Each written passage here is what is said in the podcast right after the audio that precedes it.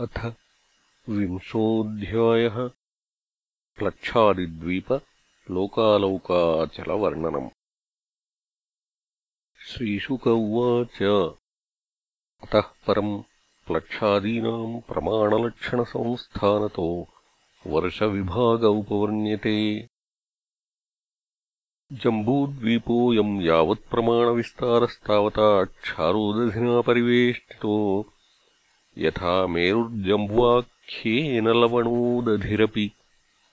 ततो द्विगुणविशालेन प्लक्षाख्येन परिक्षिप्तो यथा परिखाबाह्योपवनेन प्लक्षो जम्बूप्रमाणो द्वीपाख्याकरो हिरण्मय उत्थितो यत्राग्निरुपास्ते सप्तजिह्वः तस्याधिपतिः प्रियव्रतात्मज इग्मजिह्वः स्वम् द्वीपम् सप्तवर्षाणि विभज्य सप्तवर्षनामभ्य आत्मजेभ्य आकलय्य स्वयमात्मयोगेनोपरराम। शिवम् यवसम् सुभद्रम् शान्तम् क्षेमम् अमृतम्।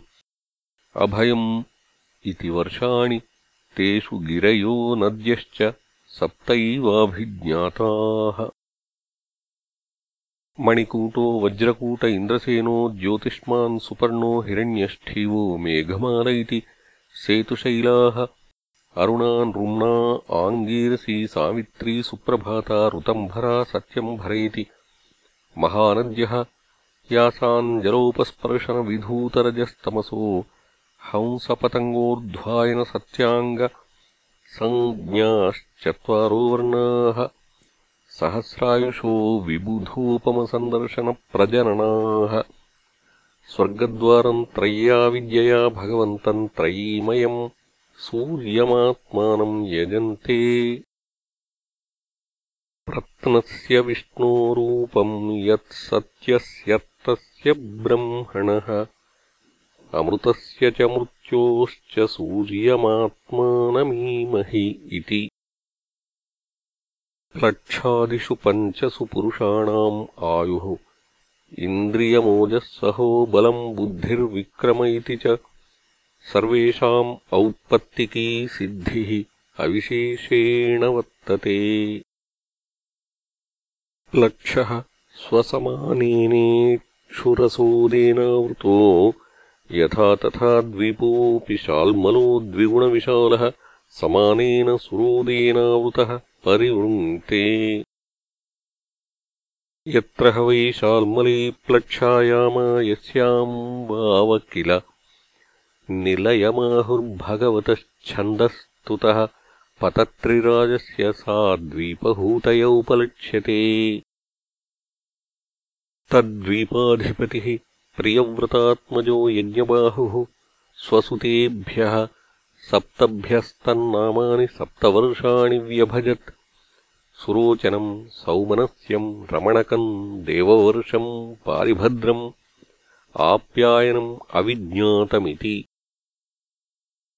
तेषु वर्षाद्रयो नद्यश्च सप्तैवाभिज्ञाताः स्वरसः शतशृङ्गो वामदेवः कुन्दो मुकुन्दः पुष्पवर्षः सहस्रश्रुतिरिति अनुमती सिनीवाली सरस्वती कुहू रजनी नन्दा राकेति तद्वर्षपुरुषाः श्रुतधरवीर्यधरवसुन्धरेशन्धरसञ्ज्ञाः भगवन्तम् वेदमयम् सोममात्मानम् वेदेन यजन्ते। स्वगोभिः पितृदेवेभ्यो विभजन् कृष्णशुक्लयोः प्रजानाम् सर्वासाम् राजान्धः सोमो न आस्त्विति। एवम् सुरोदाद्बहिस्तद्विगुणः समानेनावृतो घृतोदेन यथा पूर्वः कुशद्वीपो यस्मिन् कुशस्तम्बो देवकृतस्तद्वीपाख्याकरोज्ज्वलन इवापरः सुषष्परोचिषा दिशो विराजयति। तद्वीपपतिः प्रय्यव्रतो राजन् हिरण्यरेता नाम स्वम् द्वीपम् सप्तभ्यः स्वपुत्रेभ्यो यथाभागम् विभज्य स्वयम् तप आतिष्ठत वसुवसुदानदृढरुचिनाभिगुप्त स्तुत्यव्रतविविक्त वामदेवनामभ्यः। तेषाम् वर्षेषु सीमागिरयो सद्यश्चाभिज्ञाताः सप्त सप्तैव चक्रश्चतुःशृङ्गः कपिलश्चित्रकूटो देवानीक ऊर्ध्वरोमा द्रविण इति। रसकुल्या मधुकुल्या मित्रविन्दा श्रुतविन्दा देवगर्भा घृतच्युता मन्त्रमालेति। यासाम् पयोभिः कुशद्वीपौकसः कुशलकोविदाभियुक्तकुलकसञ्ज्ञा भगवन्तम् जातवेदसरूपिणम् कर्मकौशलेन यजन्ते। परस्य ब्रह्मणः साक्षाज्जातवेदोऽसि हव्यवाट्। देवानाम् पुरुषाङ्गानाम् यज्ञेन पुरुषम् यजेति। तथा घृतोदाद्बहिः क्रौञ्चद्वीपो द्विगुणः स्वमानेन क्षीरोदेन परित उपक्लुप्तो वृतो यथा कुशद्वीपो घृतोदेन यस्मिन् क्रौञ्चो नाम पर्वतराजो द्वीपनामनिर्वर्तकास्ते। योऽसौ गुहप्रहरणोन्मथितनितम्बकुञ्जोऽपि क्षीरोदेनासिच्यमानो भगवता वरुणेनाभिगुप्तो विभयो बभूव। तस्मिन्नपि प्रयव्रतो घृतपृष्ठो नामाधिपतिः स्वे द्वीपे वर्षाणि सप्त विभज्य तेषु पुत्रनामसु सप्तरिक्थादान् वर्षपान् निवेश्य स्वयम् भगवान् भगवतः परमकल्याणयशसः आत्मभूतस्य हरेश्चरणारविन्दमुपजगाम।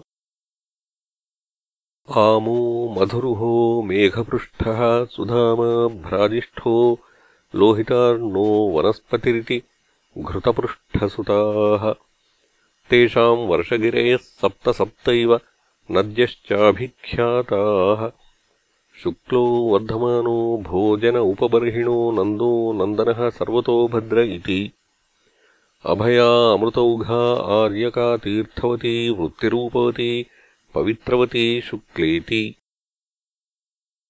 यासामम्भः पवित्रममलमुपयुञ्जानाः पुरुषर्षभद्रविण देवकसंज्ञा वर्षपुरुषा आपोमयम् देवमपाम् पूर्णेनाञ्जलिना यजन्ते।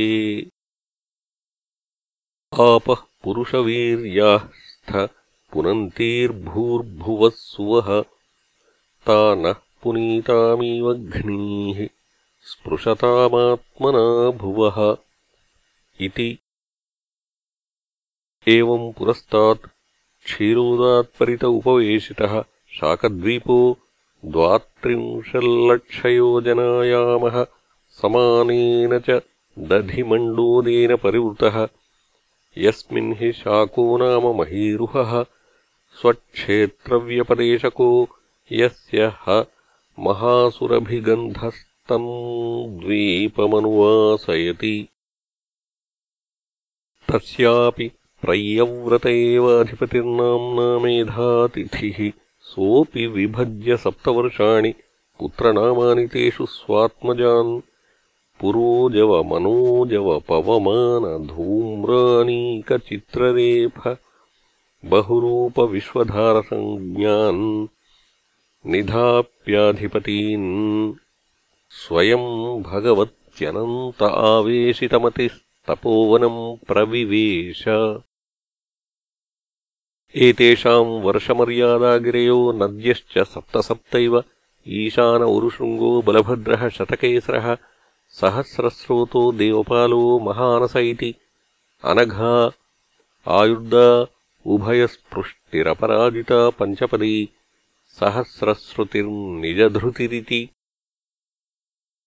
तद्वर्षपुरुषा ऋतव्रतसत्यव्रतदानव्रतानुव्रतनामानो भगवन्तम् वायुवात्मकम् प्राणायामविधूतरजस्तमसः परमसमाधिना यजन्ते।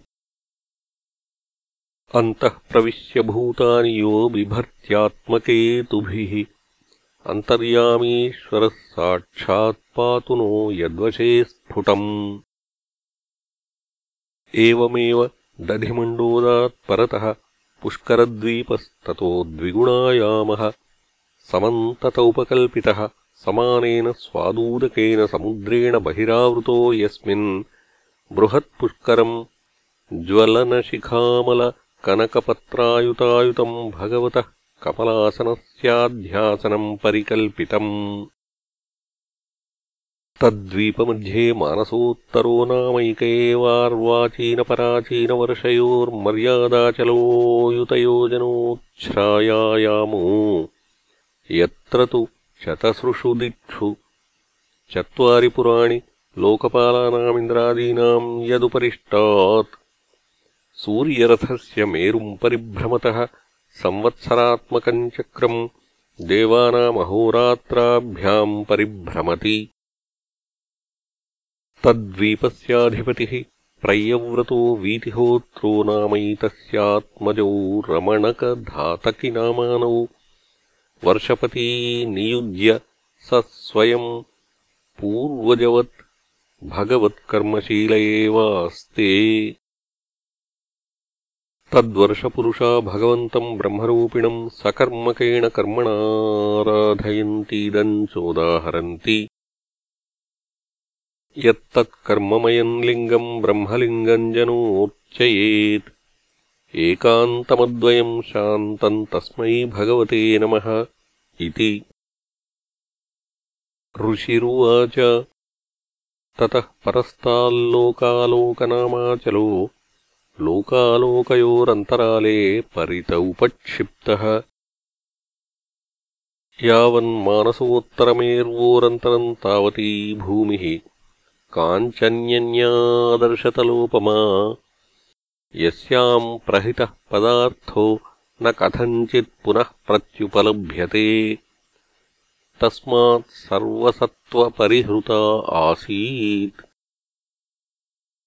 लोकालोक इति समाख्या। यदनेनाचलेन लोकालोकस्यान्तर्वर्तिनावस्थाप्यते। स लोकत्रयान्ते परित ईश्वरेण विहितो।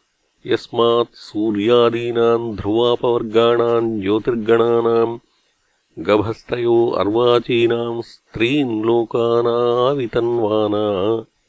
न कदाचित्पराचीनाः भवितुमुत्सहन्ते, तावदुन्नहनायामः।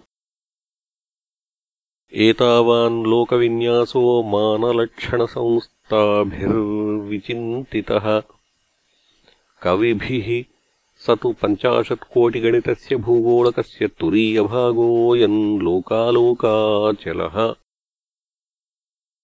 तदुपरिष्टात् चतसृश्वासास्वात्मयोनिनाखिल जगद्गुरुणाधिनिवेशिता ये द्विरदपतय ऋषभः पुष्करचूडो वामनो अपराजित इति सकललोकस्थितिहेतवः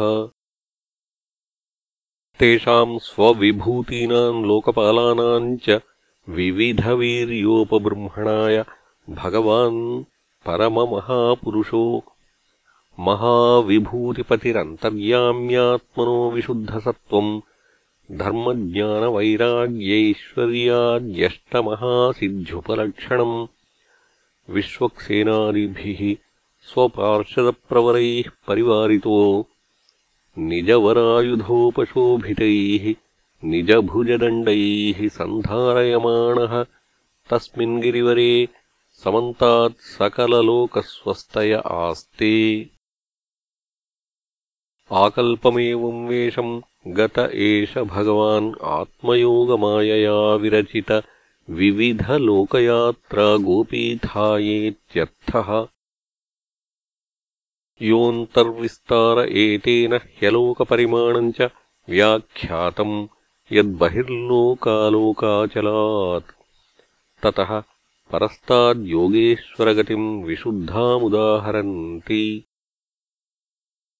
अण्डमध्यगतः सूर्यो द्यावाभूम्योर्यदन्तरम् सूर्याण्डगोळयोर्मध्ये कोट्यः स्युः पञ्चविंशतिः